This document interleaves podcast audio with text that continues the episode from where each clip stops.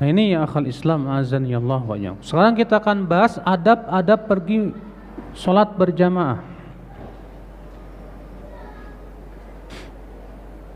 Di antara adab yang hendaknya diperhatikan yang pertama tarkul a'mal inda huduris sholat. Segera tinggalkan pekerjaan kalau sudah masuk waktu sholat.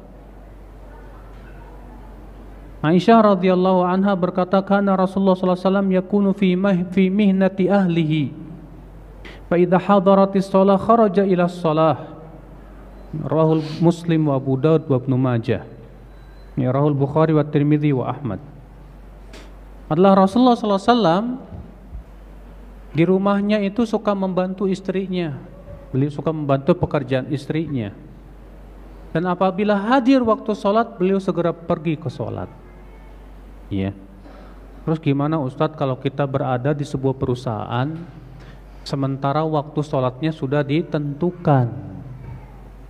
Misal sholat duhur jam 12 kurang 15 sementara istirahatnya jam biasanya jam berapa? Jam 12 misalnya atau sholat duhur jam setengah 12 istirahat jam 12 boleh enggak saya langsung keluar dan meninggalkan pekerjaan? Kita katakan enggak boleh. Loh kok kenapa? Karena itu amanah. Dan antum bisa melaksanakan sholat berjamaah bersama teman-teman antum nanti pas istirahat. Karena kan yang wajib itu sholat berjamaahnya pak. Adapun harus di masjid kan sudah kita sebutkan tidak harus di mana? Masjid. Di masjid. Yang kedua, sholat di awal waktu itu tidak wajib. Ya. Sementara melaksanakan amanah itu wa, wajib. Makanya udah antum nanti sabar dulu pas istirahat jam 12 keluar baru berjamaah bersama teman-teman ya. Maka itu yang antum lakukan. Jangan malah kemudian kabur. Ya, boleh ya akal Islam azan ya Allah wa iyyakum.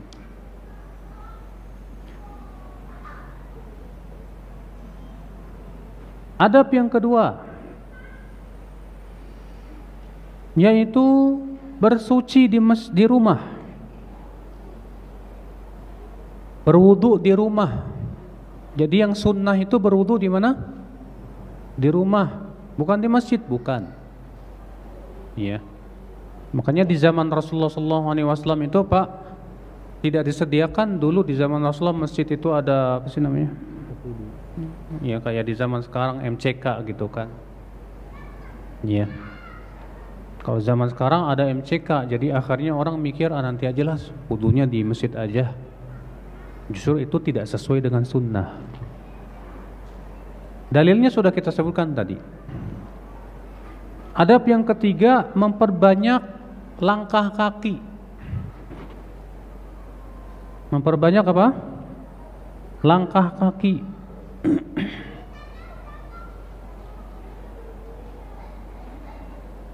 Rasulullah sallallahu alaihi wasallam sabda a'dhamun nasi ajran fis salah ab'aduhum fa ab'aduhum mamsha. Rahul Bukhari wa Muslim.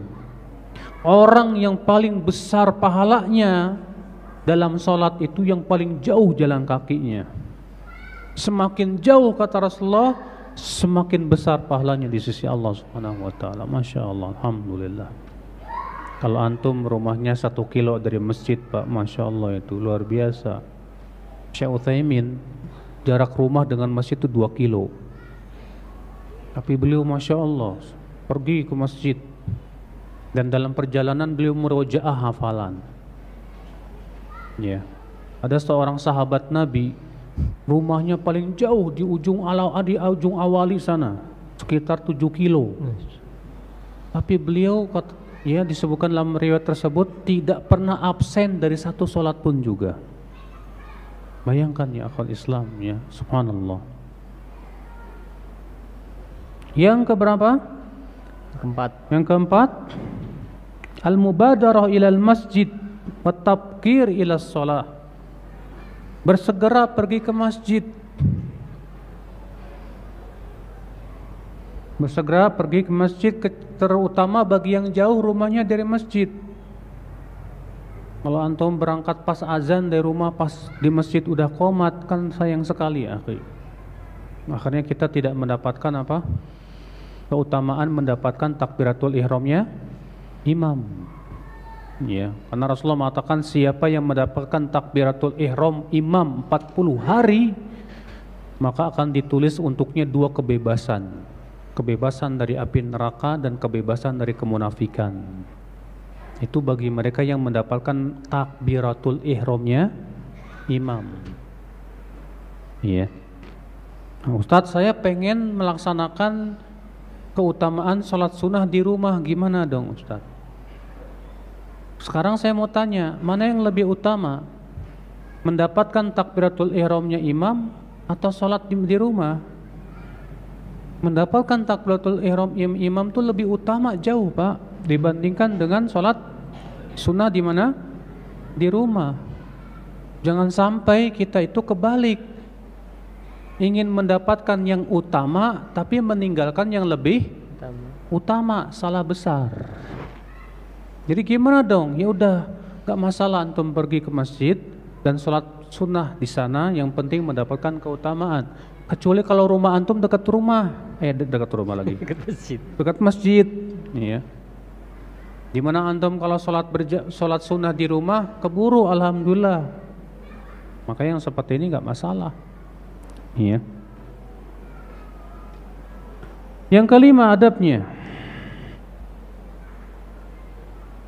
Adapun yang ke yang keempat tadi dalilnya hadis riwayat Bukhari dan Muslim dari hadis Abu Hurairah Rasulullah SAW bersabda Lau ya'lamuna ma fit tahjiri lastabaqu Kalaulah mereka mengetahui bagaimana pahala orang yang bergegas ya pergi ke masjid pasti mereka akan berlomba-lomba kata Rasulullah SAW untuk segera pergi ke mana ke masjid ya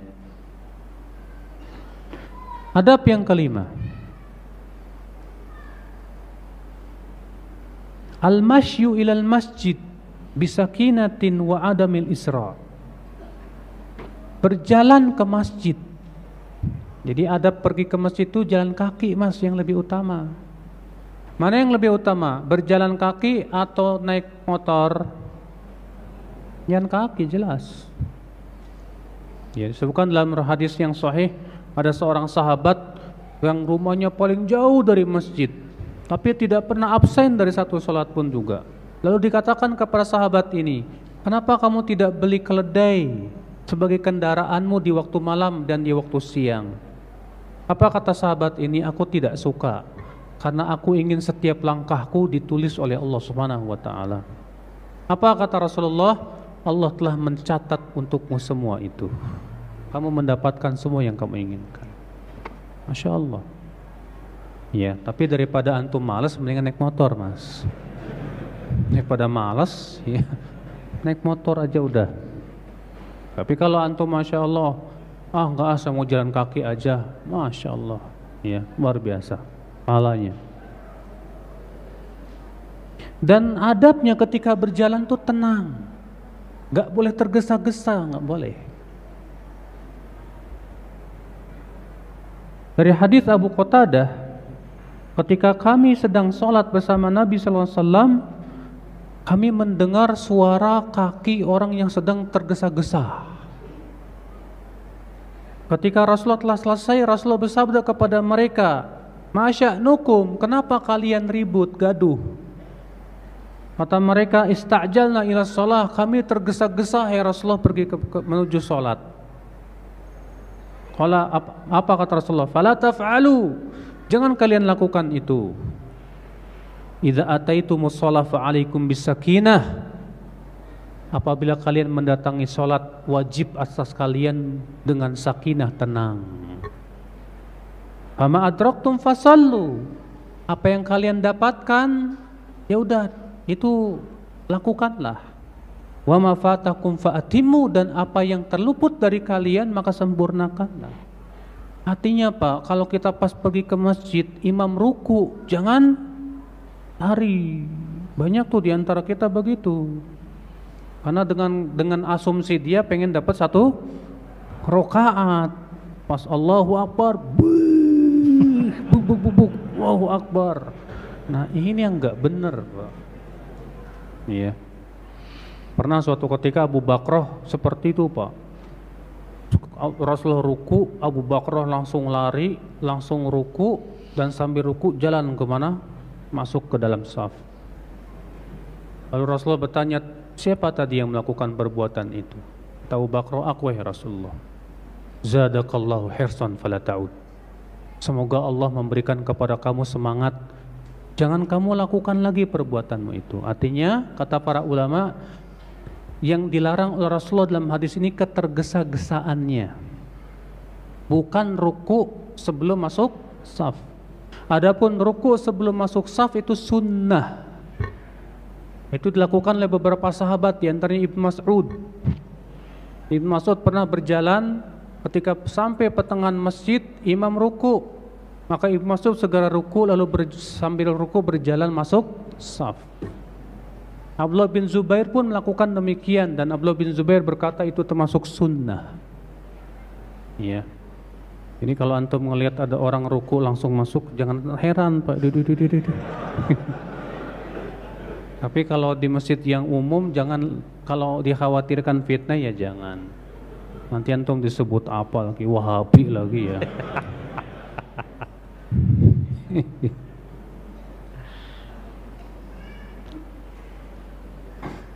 Iya. Jadi ya ketika berjalan menuju sholat itu Pak hukumnya wajib dengan tenang, nggak boleh apa? Tergesa-gesa, nggak boleh. Iya.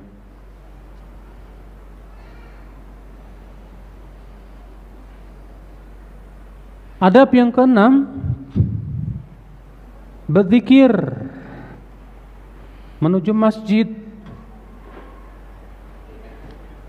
Ketika kita pergi ke masjid jangan lupa baca doa. Allah maj'al fi qalbi nura wa fi lisani nura waj'al fi sam'i nura waj'al li fi basari nura waj'al li min khalfi nura wa min amami nura waj'al min fawqi nura Amin tahti nura. Allahumma a'tini nura. Iya Ya Allah jadikan di hatiku cahaya di lisanku cahaya di, telingu, di telingaku cahaya di mataku cahaya dari belakang dan depanku cahaya dari atas dan bawahku cahaya Ya Allah berikan aku cahaya Ya Hadis yang Bukhari dan Muslim Kemudian ketika masuk masjid jangan lupa baca doanya. Apa doa masuk masjid, Mas? Alhamdulillah. Hah? Bismillah. Bismillah. Allahumma salli ala Muhammad. Allahumma ftahli abwaba rahmatika. Ini bismillah Kemudian kita ucapkan salawat dulu. Allahumma salli ala Muhammad. Lalu kemudian kita ucapkan Allahumma ftahli abwaba rahmatika. Atau mau lebih panjang lagi A'udzu billahil azim wa biwajhihil karim wa sultanihil qadim minasyaitonir rajim. Ya, kemudian kita ucapkan Allahumma ftahli abwaba rahmatika. Kita dahulukan kaki kanan. Ya. Kemudian dilarang menyilang-nyilangkan jari jemari begini, Pak. Selama antum berangkat ke masjid, demikian pula di masjid sampai pulang dilarang begini. Iya. Berdasarkan hadis riwayat Al-Hakim, Ad-Darimi dan Ibnu Khuzaimah dari hadis Abu Hurairah bahwa Nabi sallallahu alaihi wasallam bersabda, "Idza tawaddaa ahadukum fi baitihi thumma atal masjid, kana fi salatin hatta yarji." Fala yaqul hakadha wa shabbaka baina asabi'ihi. Apabila salah seorang dari kalian berwudu di rumahnya, lalu pergi ke masjid, maka ia berada dalam solat sampai ia pulang maka janganlah ia melakukan seperti ini. Ya. Jangan seperti ini. Paham? Itu. Itu termasuk perkara yang makruh kata para ulama. Iya. Kemudian adab selanjutnya Pak, jangan lupa sholat tahiyat masjid. Sholat tahiyat masjid terjadi ikhtilaf para ulama hukumnya. Mayoritas ulama mengatakan sholat tahiyat masjid itu hukumnya sunnah muakkadah, sunnah yang sangat ditekankan. Iya. Sementara sebagian ulama mengatakan salat tahiyat masjid itu hukumnya wajib. Berdasarkan hadis Ya idza dakhala ahadukumul masjid fala yajlis hatta yusalli rak'atain. Apabila salah seorang dari kalian masuk masjid jangan duduk sampai sholat dua rakaat. Ini perintah. Juga berdasarkan hadis bahwa Rasulullah sedang khutbah Jumat. Lalu masuklah seorang laki-laki langsung duduk. Lalu Rasulullah bertanya, kamu sudah sholat dua rakaat belum? Belum ya Rasulullah. Kalau begitu kamu bangkit sholat dua rakaat dan ringankan. Kata mereka, mendengarkan khutbah Jumat itu hukumnya wajib. Tidak mungkin sesuatu yang wajib gugur oleh sesuatu yang sifatnya apa? Sunnah. Berarti itu menunjukkan hukumnya wajib sholat tahiyat masjid itu. Iya. Ini pendapat sebagian ulama. Saya lebih condong kepada pendapat jumhur ulama dalam masalah ini. Ya, kenapa? Karena disebutkan dalam hadis tentang kisah tiga orang yang waktu itu Rasulullah sedang ada taklim di masjid. Lalu ada tiga orang datang, yang yang satu duduk di depan, yang satu di belakang, yang satu pergi. Kemudian setelah selesai kajian Rasulullah bersabda, maukah aku beritahukan tentang tiga orang itu? Adapun orang yang duduk di depan awa ilallah. Ia telah ya awa ilallah. Ia mencari perlindungan kepada Allah maka Allah pun lindungi ia. Adapun yang di belakang ia malu maka Allah pun malu kepadanya. Tidak disebutkan di situ mereka sholat tahiyat masjid dan Nabi pun tidak memerintahkan mereka untuk apa? Ya sholat tahiyat masjid. Ya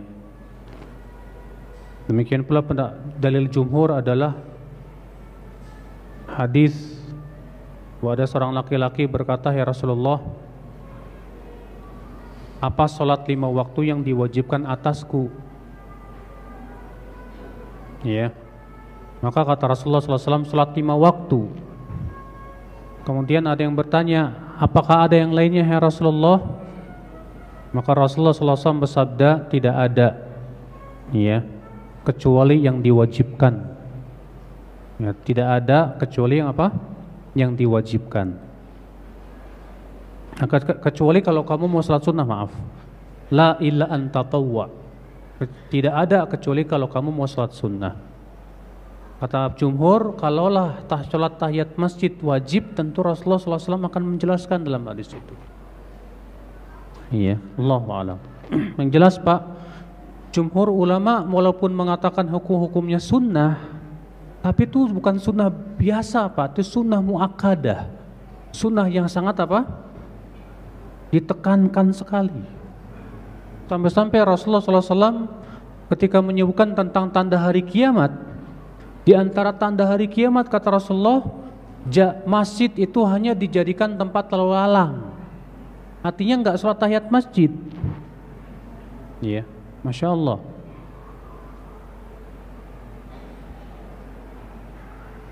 Adab yang keberapa?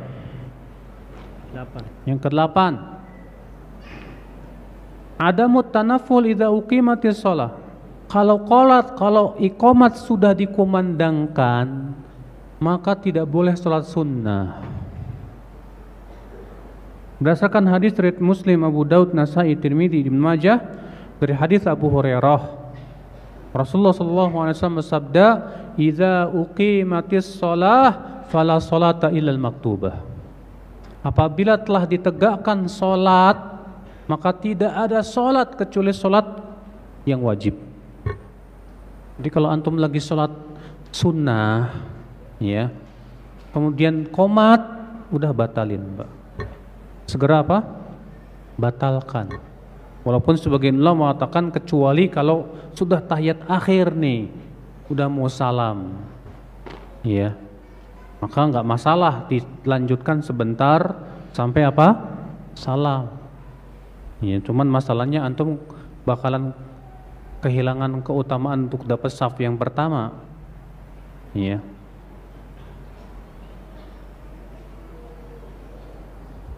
Faidah apa? Adab selanjutnya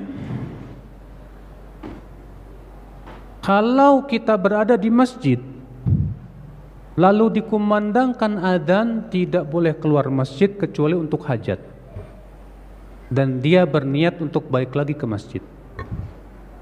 Saya antum berada di masjid nih. Lalu kemudian dikumandangkan adzan, antum malah keluar. Maka itu antum berbuat maksiat kepada Allah. Ini berdasarkan hadis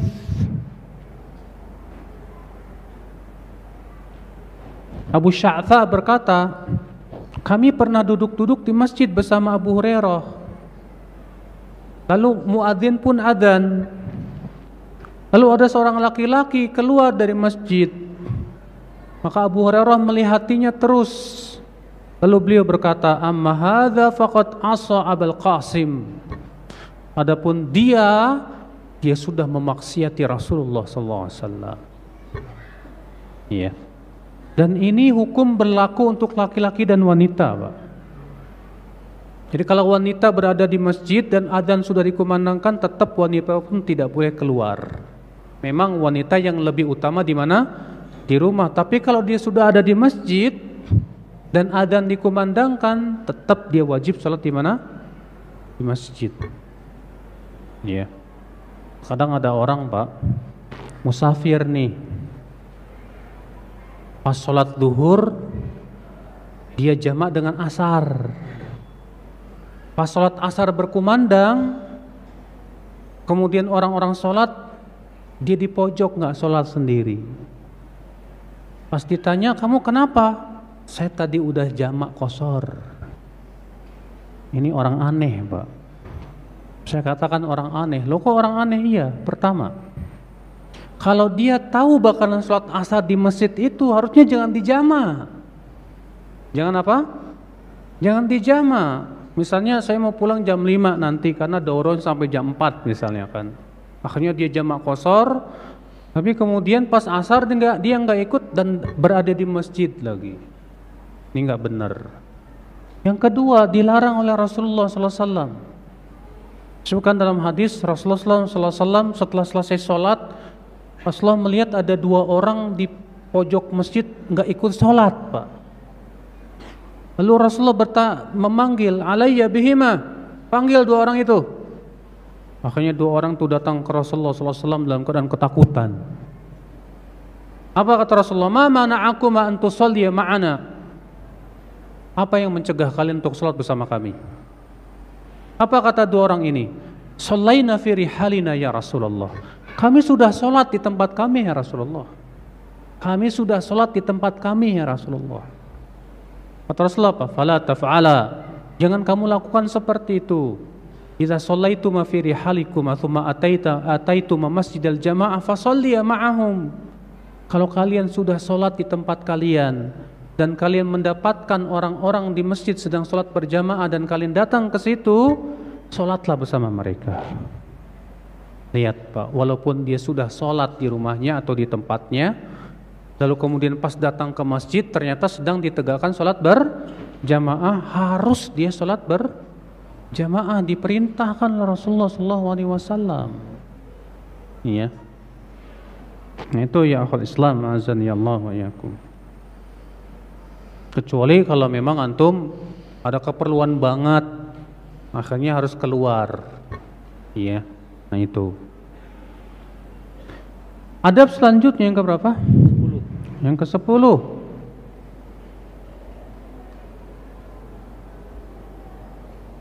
Apabila komat dikumandangkan, maka kita berdirinya pas melihat imam datang. Kalau imamnya misalnya datangnya setelah ikomat selesai. Ya, terkadang kan ikomat dulu. Kami imamnya masih ada di rumah tapi udah komat. Ya maka jangan berdiri dulu. Dulu dulu. Imamnya ada kok di rumah. Jangan komat dulu. Atau misalnya jangan sholat dulu jangan. Kalau kebanyakan di masjid gitu pak. Kalau di zaman Rasulullah SAW yang menentukan komat itu imam.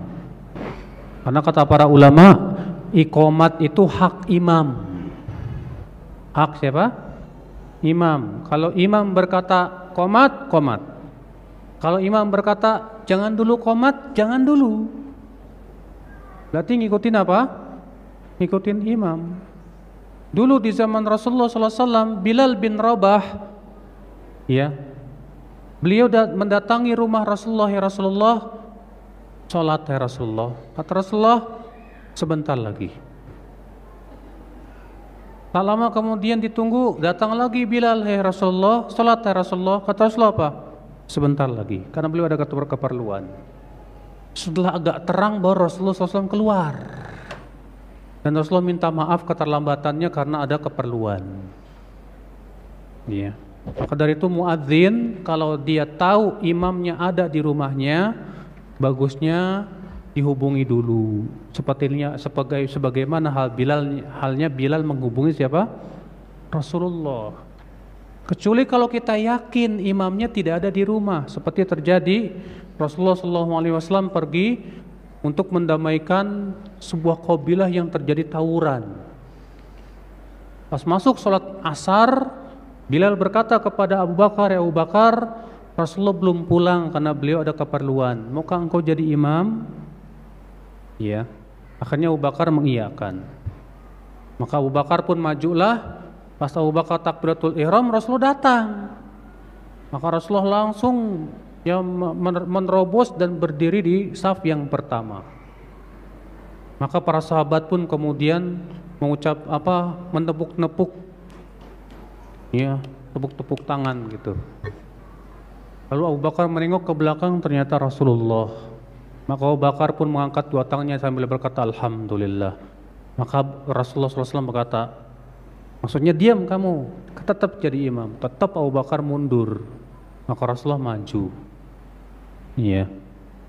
Nah itu yang akal Islam azan ya Allah wa iyyakum. Kalau di zaman sekarang Pak sunnah inah ini hilang Pak. Oleh apa itu yang membuat timer waktu itu Pak. Jadi yang ngatur ikoma itu timer bukan imam lagi. Imam kalah sama timer udah. Ya. Akhirnya sunnah Rasul hilang. Alhamdulillah di sini udah nggak ada timer lagi. Karena memang nggak sesuai dengan sunnah Rasul. Iya. Jadi akhirnya ada kalau udah titit tit, imam nggak ada apa, padahal imam udah di, masih di rumahnya tetap aja gitu kan, nggak ada. Maka yang benar adalah ikomah itu hak siapa? Hak imam. Iya. Nah, zaman sekarang gampang kan, antum bisa telepon aja. Assalamualaikum Pak Imam. Lagi di mana? dia lagi di rumah nih lagi eh, eh misalnya gitu ya lagi buang air tolong tunggu sebentar kan enak gitu kan kadang terlambat bisa jadi karena ada keperluan mau pas mau mau berangkat ke masjid tahu-tahu apa perutnya mules aduh gitu. Bisa terjadi seperti itu ya Islam. Iya